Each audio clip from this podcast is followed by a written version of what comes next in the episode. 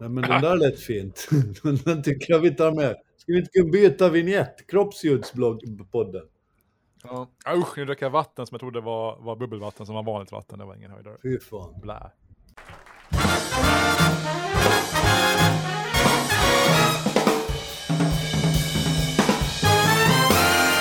Då säger vi välkomna till avsnitt 49 av Ålands Handel. Jag heter Fredrik Rosenqvist och med mig på distans har jag Jörgen Pettersson. Hur, hur leker livet Jörgen? Äntligen, säger jag, är det dags att podda igen. Det finns massvis till prata om vad jag kan begripa. Ja, äntligen fredag. Vi har börjat med en ny vana att podda på fredagar. Jag vet inte vad det beror på. Vi har mycket att göra i veckorna helt enkelt. Det är för att vi prokrastinerar. Det det Ja, lite grann. Det var massor med jobb i början på veckan. tiden. Att man prokrastinerar när man inte riktigt orkar med. Ja. ja, det var massor med jobb i början på veckan och sen på onsdagen då tog jag ledigt. Det var skönt. Mitt i veckan sådär. Lite wild and crazy. En busled idag. En busledig dag. Jag var bara hemma och drällde. Sånt kan man göra när man är som egen företagare. Sen får man äta upp det på lördag eller söndag eller påskdagen eller julafton. Ja, eller jag, jobbar, jag jobbar kväll på tisdagen så det var lite där, därför. Mm. Att kompa ut sen på onsdagen. Det ska man unna sig mellan varven. ja, man ska unna sig en ledig dag mellan varven. Ja. Eh, Fifax har ju avslutat sin listningsemission inför den planerade börsintroduktionen på, eh, vad heter den här börsen nu då? Eh, First North Growth Markets heter den. Um, Första norra. gick? Ja, första några. Vet du hur det gick? Har du sett?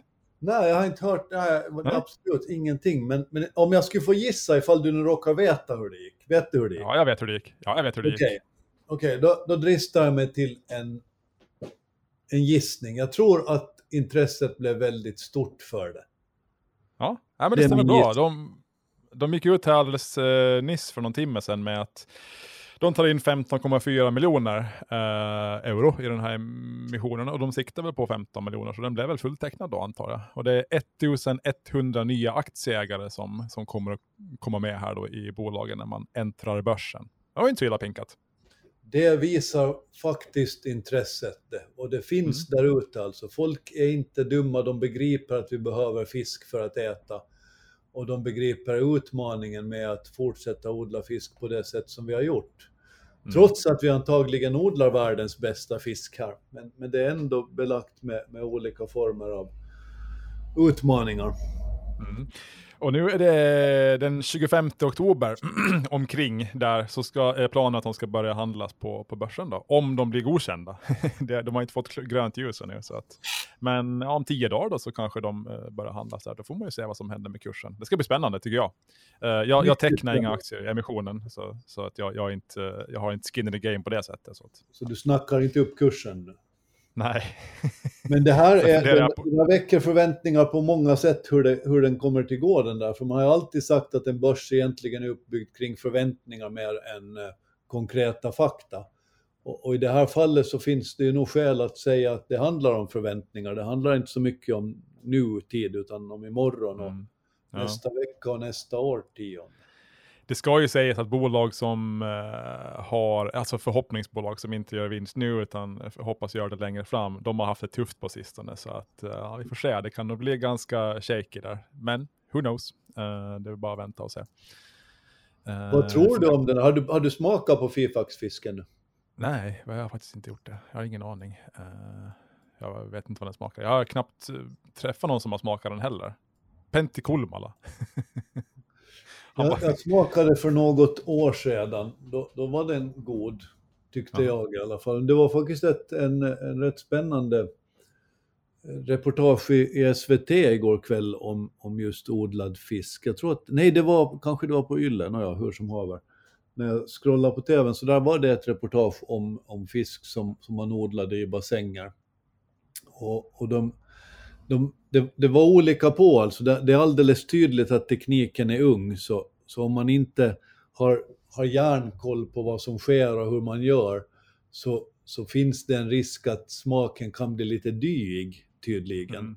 Ja. Däremot så fanns det också bevis på, de var till, till Kanada, till Prince Edward Island, där, där man, som för övrigt är en mycket spännande plats, de odlar massvis med potatis där, i stort sett all pommes frites till McDonalds och sånt här fritera dem där. Men förutom det så har de också inlett en, en större, ett större försök med GMO-framtagen fisk. Alltså genmanipulerad fisk. Hmm.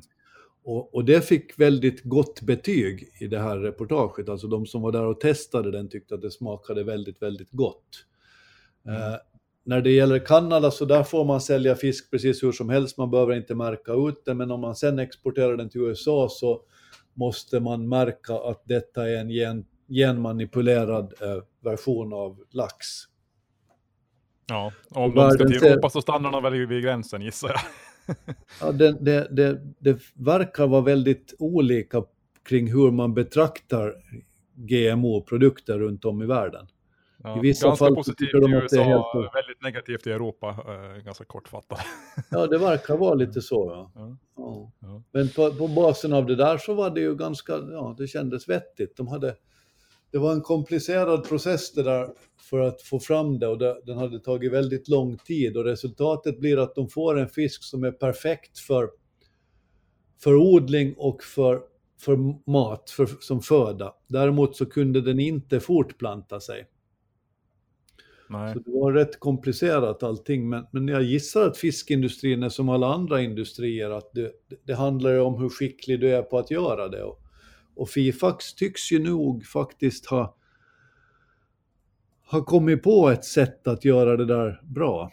Om det sen mm. stämmer eller inte, det får väl framtiden utvisa gissar jag, men jag är glad för att det pågår på Åland och att det är vi som ändå håller i rårkulten om man får säga så i fiskbranschen. Ja, man kanske får köpa en liten bevakningspost när man kommer in på börsen så man håller koll på den hur det går. Sådär. Undrar om det kallas smörgåsaktie i en fiskfabrik eller om det blir sushi-del. Ja.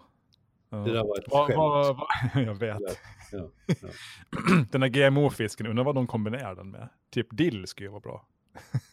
Färdig man, lägger in, man lägger in lite DNA från dill. Och... Eller pepparrot eller Philadelphiaost. Ja, men potatis naturligtvis. Får du fish and chips i ett. Ja, ja fast regnbåge och potatis, nej. ja, Lite vinäger, potatis och, och majo i fisk-DNA och så har du allt i ett. Mm. Ja, ja. Du, Ålands handel är ute. Du... patentera lite på. Ja. ja, ja. Nog om fisk. Ålands handel är ute i, i, i postlådor i, i butiker. Har, har, du läst den? Vad tar du med dig av den? Vad tycker du? Du har ju varit med och skrivit den. Äntligen igen. Jag tycker ja. att det blev en, en fin tidning på nytt. Den, den faktiskt sprudlar av, av entusiasm kring en massa olika saker. Och så är jag glad för att kunna läsa ett stycke riktigt näringslivsjournalistik i form av din artikel om just Fifax. Ja, min laxrosa artikel. Om. ja. ja, det var lite roligt.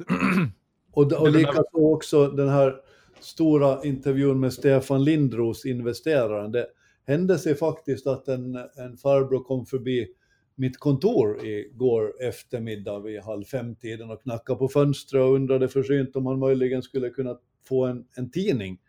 För han hade hört så mycket om den här Stefan Lindros artikeln som han ville läsa själv. Mm, ja.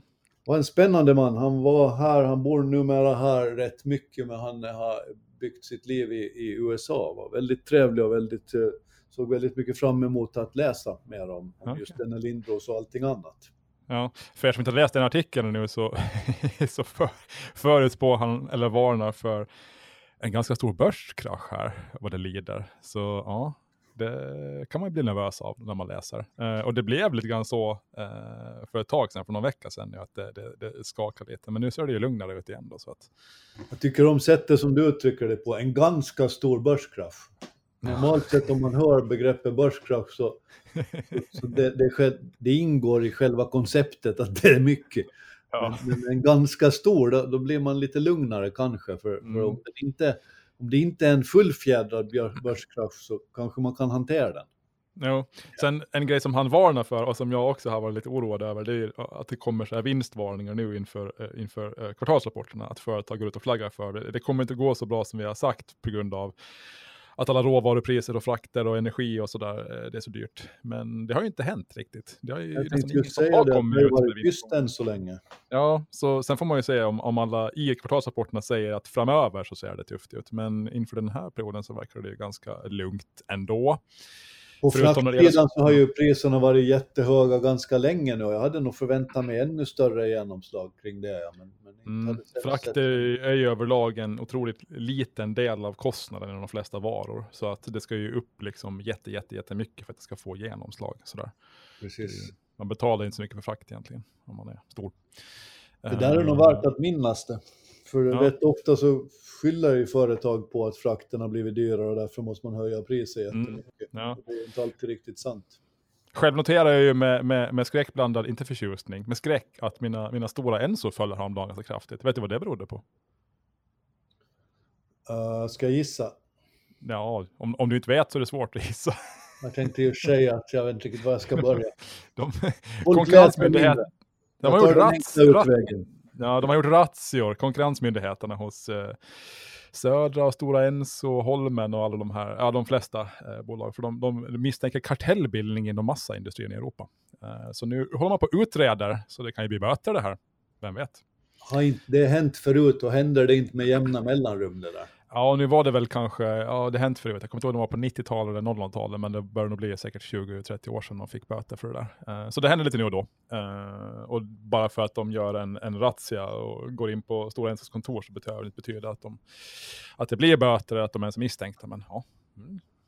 Det är ju, det är ju är inte tillvaron. egentligen ofrånkomligt när det kommer till de här som ändå ägnar sig åt i stort sett samma sak. Att det, förr eller senare så måste ju alla ändå anpassa sig till marknaden och då blir det att se ganska lika ut och då är det nära till hands att tro att, man, att det är någonting på gång. Men vi brukar ju alla lite småleende betrakta bensinpriserna på Ål, bränslepriserna på Åland. Jo, Det är inte så att det skiljer jättemycket på just tavlorna i Mariehamn. Nej, men det finns ju inget, det finns ju inget olagligt med att om, om en bränsleidkare på Åland går ut och säger att grannarna har höjt priset, att man höjer priset lika mycket. Absolut. Kartellbildning är ju när man eh, kommer överens bakom lyckta dörrar att hålla priset på en viss nivå. Och det är om man hittar sån korrespondens då i, hos de här bolagen som det blir lite penibelt. Att de sen liksom, att marknadspris är, är samma för alla, det är ganska normalt. Sådär.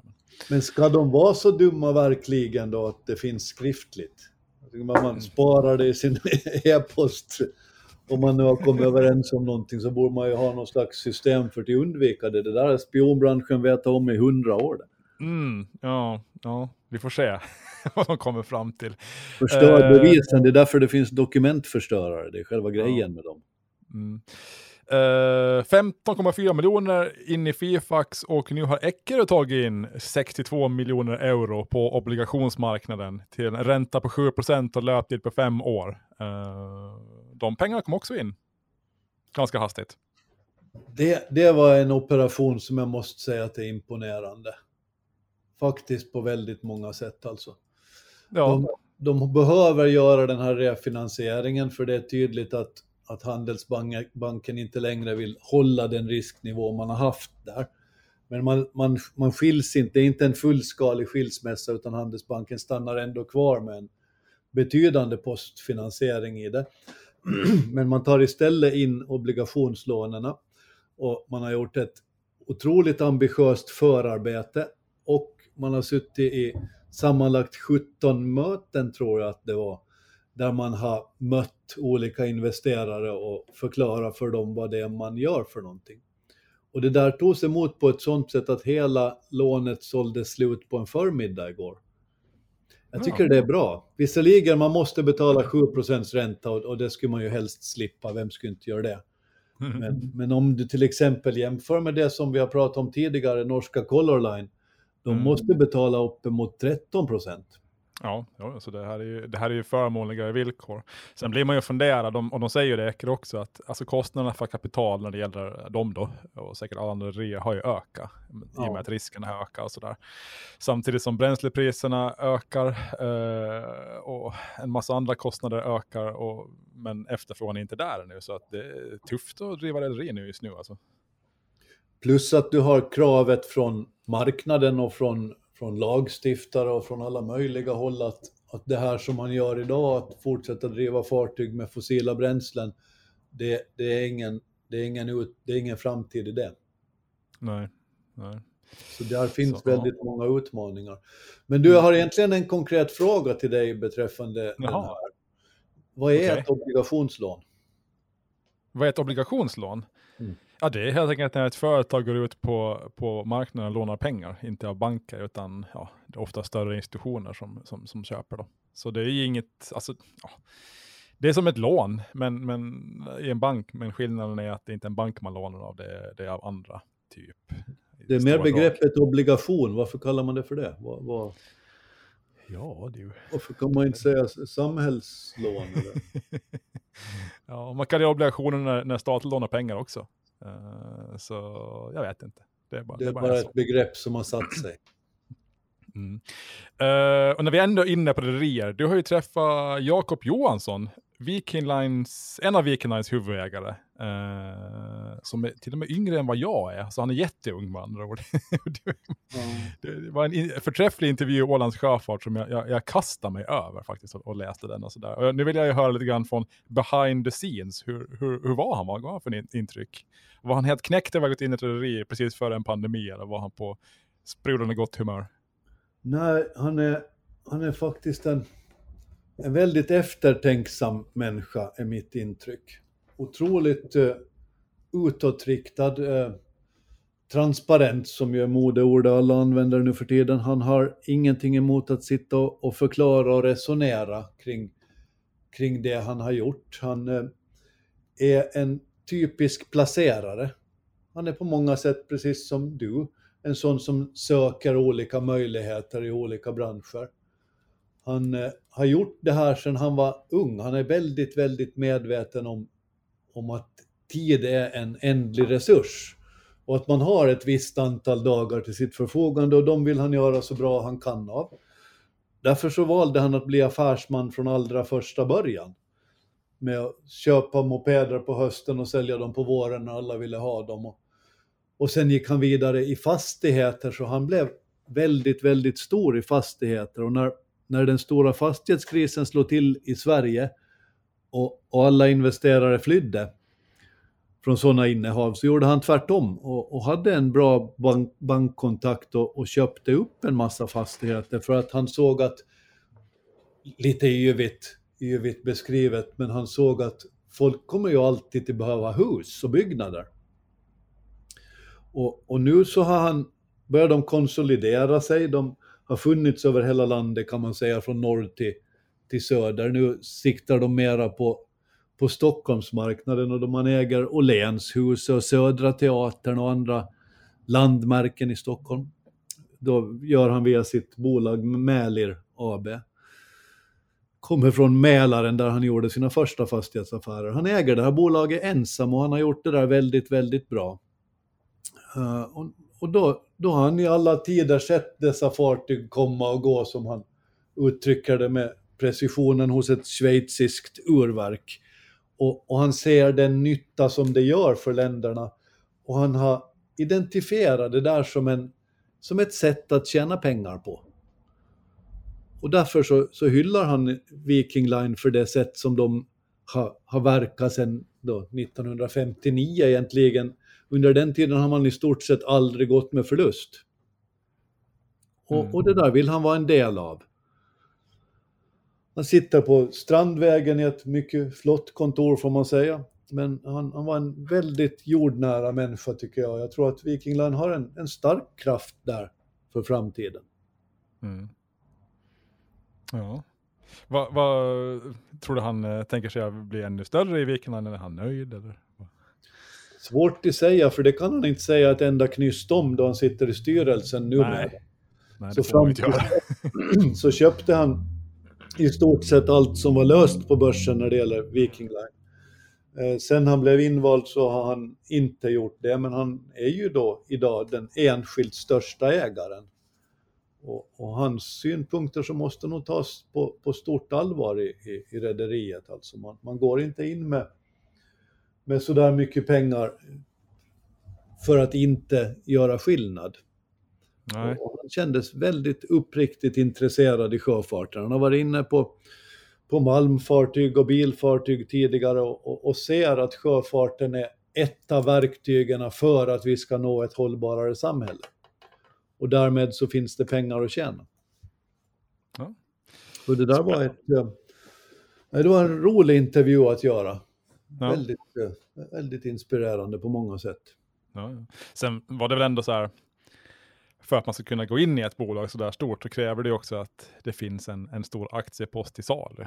Så, och det var ju en slump att det råkade finnas det när han var intresserad. Så att, men, ja, Det var det så nog. Det var det nog, för han hade analyserat alla rederier på Östersjön egentligen med, med passagerar och, och, och lastrederier. Och, och Mm. landa i att, att enda möjliga, det bästa var Viking Line och där fanns möjligen en väg in. Och, och den Ja. valde han att ta. Det borde väl ha funnits en väg in i Tallink också. Väl? De har ju försökt sälja, men det kanske var för mycket pengar, jag vet inte. Eller ja, att det hade... De Ja, sen har ju de ett lite speciellt, de är ju snarast en nationell angelägenhet, Tallink på många sätt. Och de har, de har ett, ett väldigt långt samarbete med, med Citibank Group sen, sen decennier tillbaka. Jag tror att Citibank har ett ganska stort inflytande där i Mm. rederiet också. Ja. Och säkert i dessa tider skulle de kanske vilja gå ut, men, men det, det handlar ju om en prislapp naturligtvis. Då. Mm. Eh, det om det. Nu tänkte jag att vi skulle prata om någonting roligt. Leksaker. Äntligen! Vad, ja, men, Igen. vad lekte du med för leksaker när du var liten där i slutet av 1700-talet eh, när Åland tillhörde Sverige? vad, vad lekte du med då? Mest Nu- var nu är jag avundsjuk på mina kompisar som fick ha Scalextric bilbanor. Det, det Va, vad hade de sa du? Scalextric bilbanor. Vet du inte vad en Scalextric bilbana är? Eh, alltså jag vet ju vad, vad bilbanor är, så alltså de, man, de gick på el. Och vi hade nog sån också. Ja. Ja. Det fanns bara, det fanns en mängd olika, men alla var kassa och gick sönder i stort sett i samma Ja. ögonblick som man hade monterat dem. Eller Ja. så tog batterierna slut ögonblickligen. Förutom Scalextric som hade de coolaste bilarna. De hade Formel 1-bilar, de hade lastbilar, de hade rallybilar, de hade allt. Mm. Och, och det, var, det var det häftigaste som fanns att köra Scalextric. Jag minns en kompis till mig hade sin uppmonterad på ett pingisbord. Och gud vad vi körde där. Och var alltid avundsjuk för att inte jag hade en Scalextric-bana. Jaha, Sen när jag själv fick barn Ja. senare så, så köpte jag Scalextric-bana till dem, men de tyckte att det var ganska kast egentligen. ja, vi hade någon sån där, de, den funkar nog helt okej, men alltså, bilarna körde bara av banan hela tiden. Man kom ett varv på sin höjd och sen så låg de i, under, under, under skåpet. Ja, men då handlade det om SBS som det heter.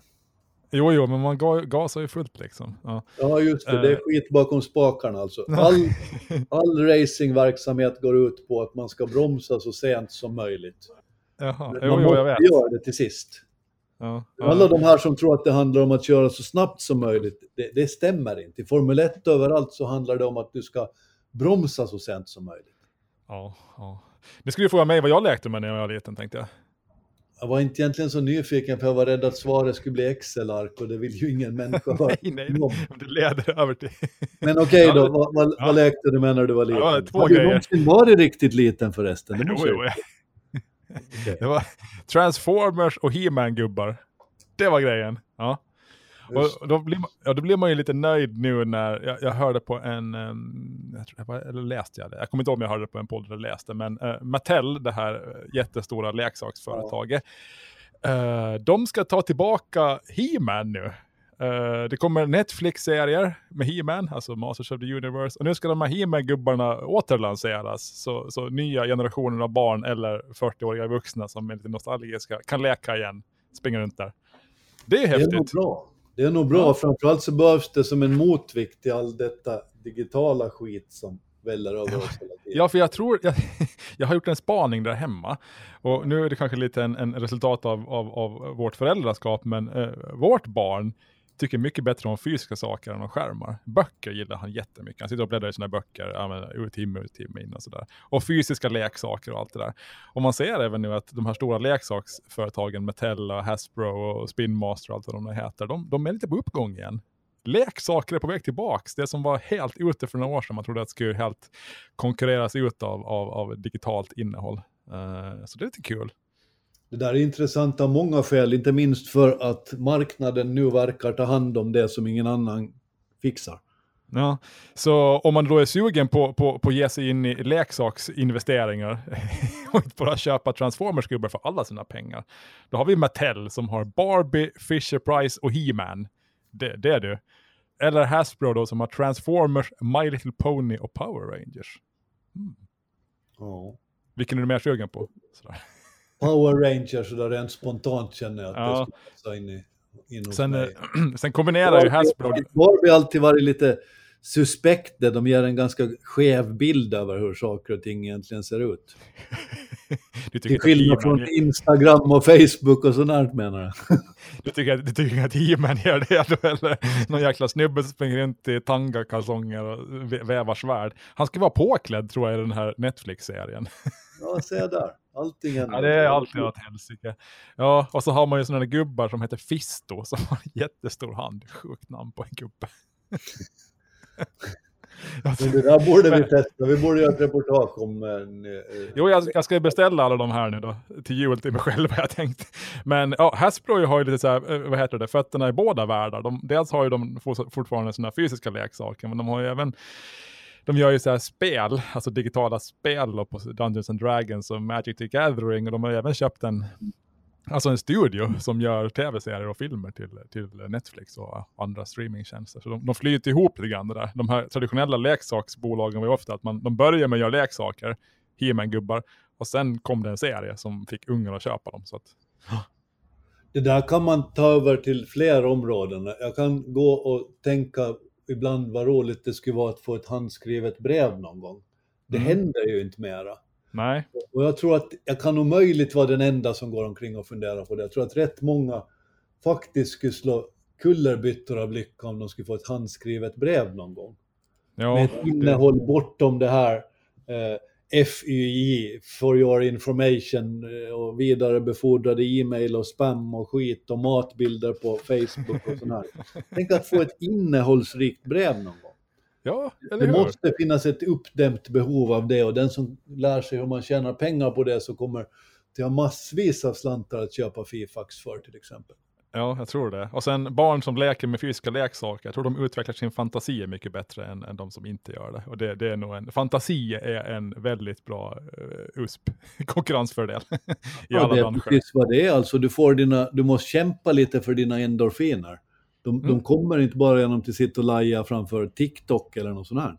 Nej, nej. Som att läsa, en, läsa en bok och ha några plastgubbar, då behöver du sätta igång de kreativa safterna för att saker ska hända i hjärnan. Liksom. Ja. Precis. Och det, ja. det där är en, endorfiner, det, det, är vårt stora, det är vårt stora hot mot mänskligheten. När alla går omkring och bara blir matade hela tiden istället för att själv hitta maten. Ja, ja. Och på tal om fysiska leksaker som gör en comeback, diskgolf är ju hett på Åland, eh, har varit så en tid. Nu är det dessutom hett i en annan mening i att det har blivit en namnliste-battle mellan de som vill ha och de som inte vill ha en discgolfbana vid Gnisten. Som alltså är en avdankad slalombacke i södra Mariehamn, ska man kunna säga, i, i, i en skog.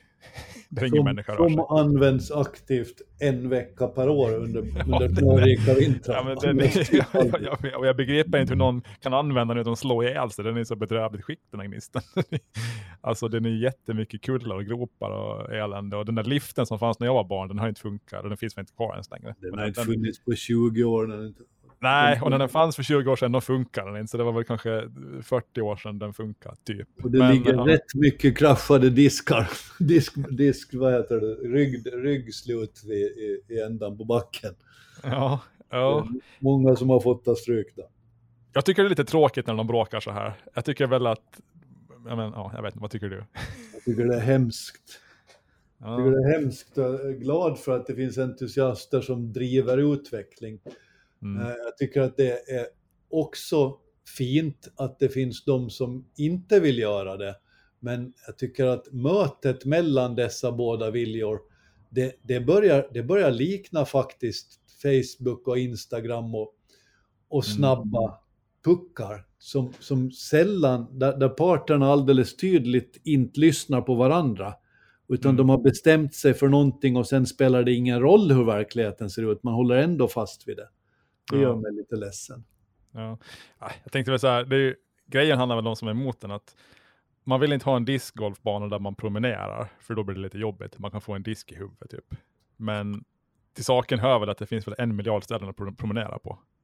Så det är ju synd om liksom, den här banan hamnar på mitt favoritställe att promenera på, men ja, det är väl liksom, så är det väl. Man får väl byta ställe då helt enkelt. En av de riktigt fina sakerna med Mariehamn är att här finns gångstigar precis hur mycket som helst. Ja, verkligen. Jag, jag älskar att springa i Mariehamn. Fina gångstigar alltså. Ja, jag älskar att springa i Mariehamn. Mycket roligare än att springa på landet, för i Mariehamn du kan ta tusen olika vägar längs gångstigar. Och jag sprang bara här veckan på en gångstig som jag inte sprungit på tidigare, trots att jag, jag är född och uppvuxen i Mariehamn.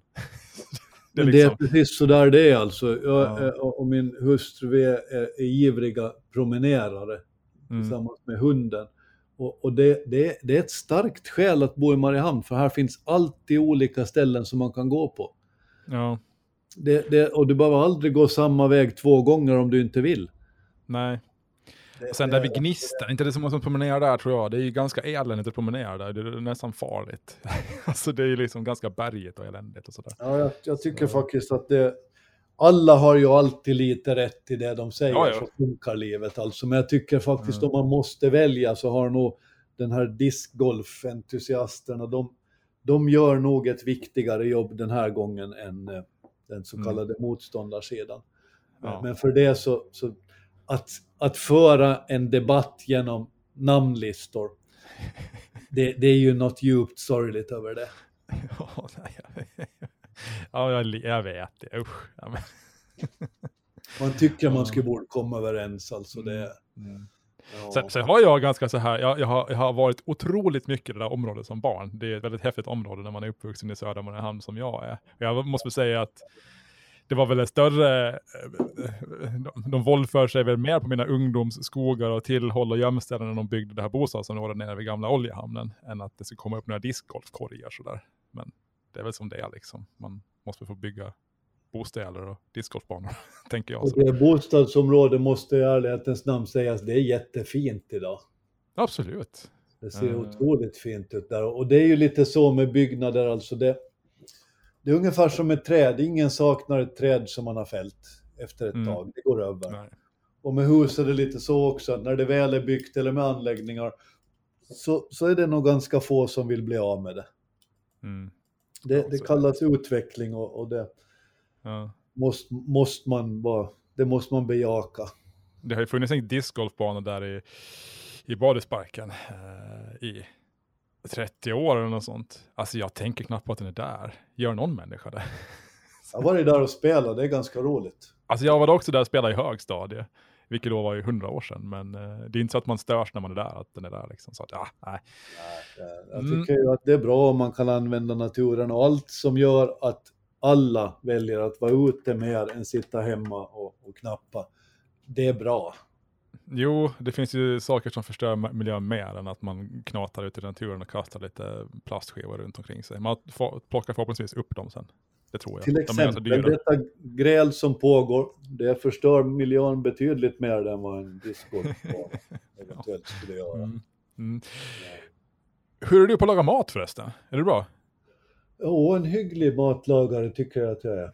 Jag Ja. lagade till exempel igår, vi ska ha gäster ikväll, jag lagade igår en burgundisk rådjursgryta som jag har Okej. väldigt stora förhoppningar på. Nu Ja, gjorde den inte helt okej. ensam, Helena och jag gjorde den tillsammans, Ja. men den har potential. Så det var champinjoner och bacon och rödvin och grejer? Hela paketet, allt. Okej. Den har nu ja. legat och, och, och gottat sig över natten. Mm. Ska, ska Okej, göra ja. sällskap med pressad potatis efter att jag toppar den med, med rödlök och champinjoner idag. Så det, det finns läge för att det här blir en riktigt bra fredagkväll. oh, nu blir man hungrig. De, ska ju, de efterlyser ju nu eh, recept och, och, och sånt på, på rätter som kan vara med och tävla i århundradets åländska maträtt. Åland fyller ju 100 år då, eh, om ett halvår drygt. Skulle, skulle den, tror du, ha en chans att komma med på den listan? Ja, egentligen, men det, det vore nog fel för, för Bur Burgundien, det vet jag inte ens vad det är riktigt. Det är Frankrike. Okej, då, då är det Ja. kanske fel att sno burgundisk Ja. köttgryta och göra den till åländsk. Det, Ja, jo. det, det är nog inte den det skulle vara. Får man Nej. nominera? Får man Jo, man får nominera? nominera. Så vad, vad, vad skulle du ta? Vad skulle du nominera liksom, som århundradets åländska maträtt? Vass på svartbröd. Ja, okej. Vass buk på svartbröd. Ja. Det får vara smörstekt svartbröd, men då ska man vara väldigt generös med smöret. Och så ska det vara ganska tunna svartbrödsskivor. Och sen ska man eh, äta mycket svart, eh, vassbuk till. Där man inte ska bena ur dem, utan man ska äta benen också. För det är just benen som man blir klok av. Svartbröd och vassbuk, det finns ingenting som slår det i hela världen. Nej, nej, okej. Ja.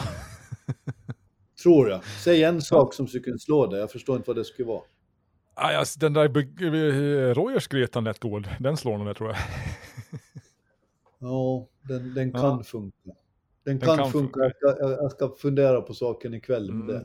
Ja, bara den inte blir rinnig, det tycker jag inte om. Nej, och där har vi ett litet, det, det där är ju det ständiga, det hur mycket mjöl ska man sätta i för att reda den. Mm. Eh, jag, jag, kanske gör en kupp idag. Sätter i lite mer mjöl än vad det var tänkt. Jag. Mm. Man brukar ju säga att god sås reder sig själv. Det är så, men den får inte bli rinnig heller. Nej. Då, då, då, då, blir det, då kan man äta soppa lika bra. Det, Ja, det känns jo. trist. Okej, ja, ja. Men den är fisk. Ja. ja. Hemma hos oss blir det utgången korv till middag idag. Du äter utgången korv. Det är starkt gjort i sådana fall, för det ska man nämligen göra. Jo, men det var på 30 procent, du vet. Exakt. Man måste ju ha råd att Exakt. köpa Fifax-aktier, så man måste ju spara in lite. På. Exakt, på men man ska ta det. Det är inte bara, det är inte bara snålet, det är, det är av omtanke för miljö och hållbarhet och allting. Klimatet lite. kan man säga, man kan kalla det för en klimatkämpe. Ja, lite grann. När man ser att det är Dalmans kött och det allt är på rött och man tänker, "Ho, ho, hur ska det hända med det här? Kommer de att slänga det om det går ut? Så då, då tar man ju så mycket man orkar och äter. Utan vidare, jag älskar specialpris på sånt. På just de där datumen som antingen är samma dag eller som var, har passerat någon dag, för det är aldrig något fel på det. Ja. Nej, det, det är sällan något fel. Eh, bra, då tänkte jag att vi skulle ta veckans hyllningar. Men avsluta du sa fredag faktiskt inte, jag måste återkomma, Ja. förlåt om jag avbryter det. Men, Ja. men vi har, förresten har jag satt till en till grej som vi måste prata om efter det här tänkte jag. Jaha, Men du sa aldrig vilken åländska maträtt som du ska nominera. Hmm. Vad skulle det kunna vara? Uh, vilken åländska maträtt jag skulle kunna nominera? Det måste nog vara någonting med gös. Ehm, jag, jag, får fila på ett gösrecept som är det ultimata, så ska jag skicka in det så kommer det säkert med. Jag har ett sånt ja, som är det Ja. ultimata gösreceptet. Gös sotomayor. Jaha, det låter heller inte Det- speciellt åländskt, men Nej, det är inte det, det är ett problem. Det är en fransk ambassadör, eller möjligen brasiliansk, det kommer jag inte ihåg. Som kan på- höjdhoppare. Nej, det är inte det, det är hans, eh, hans förfäder kanske. Ja. Men det, han hette Sotomayor, en ambassadör i, i Stockholm, som kom in i societeten i, i den kungliga svenska huvudstaden i början på 1900-talet och, och lanserade Gös Sotomayor. som väldigt kortfattat och minnet går ut på att man, man skär upp gös i små bitar, man låter dem marinera i citron bland annat. Man eh, panerar dem på riktigt sätt, ungefär som när man gör fish and chips, och man friterar det sen. Alltså i en smet panerar man dem alltså. I en smet, på riktigt Ja, okej. i en smet, och sen friterar man det. Och, Okej. och det, blir, det blir ofattbart gott. Hmm. Ja. Ofattbart gott. ja, det får jag testa. Så gös Sotomayor, man kanske kan döpa om den till någonting. Gös Rosenqvist, ingen kommer ändå ihåg eh, Sotomayor. Ta den där, Nej. kör den. Rosenqvist jag- gös. Ja, jag får göra så. Uh, jo, men Nobelpriset hade vi kvar att prata om. Har du Vi läst har ju nu, inte pratat någonting om det. Vi gnällde lite över att ingen hade blivit kontaktad när det gällde litteraturpriset. Ringde Jaha. de någonsin när det gällde ekonomipriset? Nej. De gjorde inte Fick några, jag har fått några roliga samtal den här senaste veckan. och Överraskande många. Men Nobelkommittén, nej, kanske var ett annat samtal när de ringde. att du var upptagen helt enkelt. Ja, men det har ringt mycket den här veckan. Jag vet inte vad det är med folk. Det var som Vad att alla har vaknat den här veckan. Vad blev det med ekonomipriser? För det har jag inte koll på, men du brukar ha koll på det ibland. Är du nöjd? Ja, alltså jag, jag kände inte igen någon av dem som fick det faktiskt. Uh, jag, jag kollade lite grann på vad de hade fått det för och ja, det var väl ganska så här. Uh, ibland, de som man känner igen, det är ofta de som har, har utformat teorier och, och, som har liksom letat sig in i läroböcker och sånt. Uh, det var inte de här riktigt. De har sysslat mest med arbetsmarknadsekonomi och det har inte jag plugga så där värst mycket egentligen. Men eh, de hade ju hållit på ganska mycket med sina naturliga experiment. Eh, nationalekonomin har ju inte experiment i liksom vanlig mening, att du har ett laboratorium där du testar saker på, på försökskaniner som, för att se hur de reagerar, utan naturliga experiment är ju att man tittar på hur det fungerar i det riktiga samhället och försöker dra slutsatser utifrån det. Då. Så de hade gjort det och kommit fram till en massa kloka saker om, om, om arbetsmarknaden. Ja, hur till exempel vad det, minimilöner påverkar viljan att arbeta och hur invandring påverkar eh, de ekonomiska förutsättningarna för de som redan bor i landet. Typ. Alltså just det där så, så läste jag om och, och nu, nu, rycker jag lite ur hatten för jag minns inte alla detaljerna men, men man hade gjort en av de där undersökningarna baserade sig på två amerikanska delstater. Det var väl för övrigt fyra, fyra män som fick priset gissar Det var väl kanske ingen skräll. Ja, de är tre då tror jag. Men... Var det det? Okej. Okay. Ja, men i alla fall, så, så var det inkluderade två delstater där man i den ena staten, de var ganska lika varandra till sin beskaffning i övrigt. I den ena så hade man höjt minimilönen med förhoppningen att det skulle skapa fler jobb. Och i den andra hade man inte gjort det. Och så drog man slutsatser utifrån det, så man hade två stycken ganska lika delstater där man gjorde olika saker och så granskade man det efteråt. Och, och nu minns jag ju dessvärre inte riktigt slutsatserna kring det hela. Men det blev inte så stor skillnad som man hade trott att det skulle bli. Mm. Ja. Och sen har de också studerat invandring där de visar att uh, de som är födda i landet uh, får det bättre ekonomiskt när, in, när det liksom kommer nya invandrare. Men de som har invandrat i landet tidigare, de får det ofta sämre. kan man fundera på. Verkligen, verkligen. Mm. En som jag däremot läste med större intresse var, var fredspriset. Där. En av mottagarna var en Maria Ressa, journalist som har, lever tydligen i Filippinerna tror jag. Och har bland annat granskat Facebook och vilken effekt det har på just Filippinerna. För där är Facebook tydligen landets allra viktigaste sociala utrymme. Hon beskriver att Facebooks utveckling är att betrakta som en atombomb i informationshänseende. Med, med allt vad det innebär. Man, man når ju ett visst resultat med hjälp av en atombomb, det gör man. Men man får effekter, sidoeffekter som, som är väldigt, väldigt eländiga. Och, och där drog hon olika former av slutsatser och en av dem är att, att Facebooks framväxande och och, och folks eh, beteende på sociala medier så gör att, att till exempel traditionell journalistik blir lidande. Där, där bildning faller offer först. Faller offer först. Och, och det kan man väl tycka allt vad man vill om, men, men nu är det ju ett faktum att ytligheten förr eller senare blir ett dilemma om alla går omkring och bara blir matade, liksom det vi pratade om förut, istället för att jobba lite för sin information. Det här har vi, det här har vi nog berört i tidigare poddar, men, men jag tror ju att, att allmänbildningen som vi får idag när vi, är, när vi bygger vår, vår, vår vetskap, ofta på, på algoritmer som någon annan har skapat, där vi, där vi gör flöden som gör att vi hela tiden blir på något vis tillfredsställda och våra endorfiner dansar. Uh, eh, förr måste man ju göra ganska mycket tråkigt innan man lärde sig något viktigt. Som till exempel dra igenom hela dokument utifrån innan Sportspegeln börjar halv tio. Så där tar ju lite försvunnit och det lyfter de fram på ett rätt begåvat sätt tycker jag. Ja, jag håller ju med i sak, men samtidigt är jag medveten om att alla generationer i alla tider har sagt det här. att dagens ungdomar är obildade och det var bättre förr. Eh, jag håller med.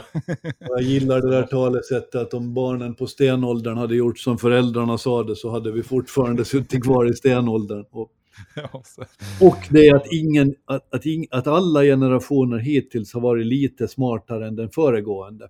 Mm. Ja. Och det, det, är också en stor tröst, för vi kan ju inte ha en sån otur att det just den här gången ska misslyckas, det tror jag. Ja. Jag bodde i eh, Malaysia ett par svängar när, när, när Facebook slog igenom, eller hade slagit igenom egentligen här i Europa. Det var nästan ingen som hade Facebook i Malaysia i början. Alla hade Friendster tror jag det hette. Så då fanns det ju några sådana sociala medier som var parallella, som var liksom, och det var så här MySpace och det var massa olika. Sen var det liksom, det blev ändå som, som tog rubbet. Ja, då har vi kommit fram till hyllningarna. Vem vill du hylla den här veckan? I denna vecka är det enkelt. Jag hyllar en kvinna som heter Heidi Kullberg som har valts till ny ordförande för Ålands fotbollförbund. Eh, Heidi är jurist och jobbar med företag och med eh, komplicerade juridiska frågor och med eh, rådgivning på alla möjliga sätt för både företag och privatpersoner. Hennes expertis uppges vara försäkringsrätt, förmögenhetsrätt, kommersiell avtalsrätt och mycket annat. Och, och det kan man tycka att skulle fylla en vardag ändå. Men Heidi tycks höra till de här som vill göra lite mer än bara det här vanliga för brödfödans skull. Och sånt gör mig alltid väldigt glad. När man ställer sina kunskaper och insikter till förfogande för någonting så ideellt som en fotbollsrörelse. Det gör mig glad ända in i själen. Att man bestämmer sig för att vara med och göra någonting för andra på ett väldigt osjälviskt sätt. För det handlar faktiskt det här om. Det här är osjälviskhet, där man vill vara med och göra någonting utan att nödvändigtvis tjäna någonting själv på det. Så jag tycker att, att Heidi har gjort det där, hon är ett föredöme för alla jurister som borde göra mer än att bara sitta och eh, tjäna brödfödan på dagarna. Och alla andra också för den delen, som har gjort, som har fått mycket saker genom, från idrottsrörelsen genom åren. Och som jag tycker att borde ibland ta sig för att, att betala tillbaks till den. Så det gjorde mig glad att se ett nytt ansikte i dessa kretsar. Och hon verkar dessutom vara en tidigare handbollsspelare och entusiast som nu tänker jobba med fötterna, vilket, förutsätter, vilket fotboll förutsätter. Så Mm. lycka till till Heidi i det uppdraget och, och bra gjort tycker jag. Mm. Och den första kvinnan någonsin vara ordförande för Ålands fotbollsförbund. Efter hur många år de har funnits? 50 typ? Eller något. Ja, säkert mycket mer än det. Mer. Och det är också Eh, bra, det så var- det är förebild för, Ja, för, för, för kvinnor också. Det, och det är ett tecken i tiden och det är allt möjligt. Men, men bra gjort, alla som är med på olika sätt och gör ideella insatser. Det, det sånt gör mig varm i hela kroppen. Mm, bra, bra. Hyll till henne. Ehm, jag skulle vilja hyvla någonting. Hyvla någonting? Hyvla, det var roligt. Freudiansk, avdelningen freudiansk felsägning. Jag skulle vilja hyvla. Ja, jag ska... Jag var... när, det, när det är pandemi och man har, har, små barn och sådär, då, då går man inte ut och äter jätteofta. sådär har jag märkt. Det, det händer jättesällan nu för tiden. Och, men eh, förra helgen, eller den helgen som gick, så var faktiskt ett undantag. Jag och tre vänner var till Björnhovda gård i, i Eckerö och åt. Och det var en helt otrolig upplevelse. Så jag måste hylla dem för bra service och god mat och sådär. Det är skönt när man, när man tar sig tid och, och går ut och att det blir helt jäkla perfekt. Fantastiskt Ja. ställe mitt ute i skogen där, där det, man känner som att man kommer, nästan kommer hem till någon och sitter där och har det bra. Det är många som hyllar dem. De verkar ha gjort det rätt. Jag har inte varit dit ännu. Det borde ske snart tror jag. Ja men det ser ju ut lite grann som en engelsk så här herrgårdsduk, så jag tänker att du borde väl nästan höra till inventarierna där. Man borde ju ställa dig i ett hörn där för att skapa stämning, tänker jag. Har de Chesterfield-soffor? Eh, det vet jag faktiskt inte. Jag har ju dåligt bildminne. Jag har Chesterfield-soffor hemma, det är jag säker på. Jag är osäker på om de hade. Eh, Har du Chesterfield-soffor hemma? Ja, ja. Jo, jo. Det har jag Gröna. försökt få in i mitt hem i hela mitt liv egentligen, men, men min hustru tycker att Chesterfield-soffor hör hemma i gamla herrgårdar bland lordar och gärna i, utomlands, inte i vårt hem. Så. Ja, och till exempel i Berga i Finstrand. Jo, min fru hämtade han till och med åt mig i Norrköping. Eh, Wow, det, då är det en keeper. De hade tidigare stått på en revisionsbyrå, så jag köpte dem på Bukowskis. eh, Sådär. Har du kollat den om det finns hemliga Excel-ark under den? Jo, vi har gått igenom dem från topp till tå. Inte, vi har inte liksom tittat i stoppningen, men eh, ja. den ena luktar lite rök faktiskt. Det ska de ju göra, det ska ju vara lite, lite Ja. cigarrrökt, inrökt och sånt. Mm, de, är, de är otroligt fina och totalt oförstörbara ta i trä. De, de där går nog aldrig att ha sönder. alltså, de sliter ju inte. Så, ja, Men hyll till Björn Hovda Gård i alla fall. Mm, det, vi ska säkert ge på julbord igen, det var uh, jättenice. Uh, bra, då är vi färdiga för den här veckan tycker jag. Härligt, det var roligt att prata som vanligt och tack till alla som har lyssnat. Tack och hej.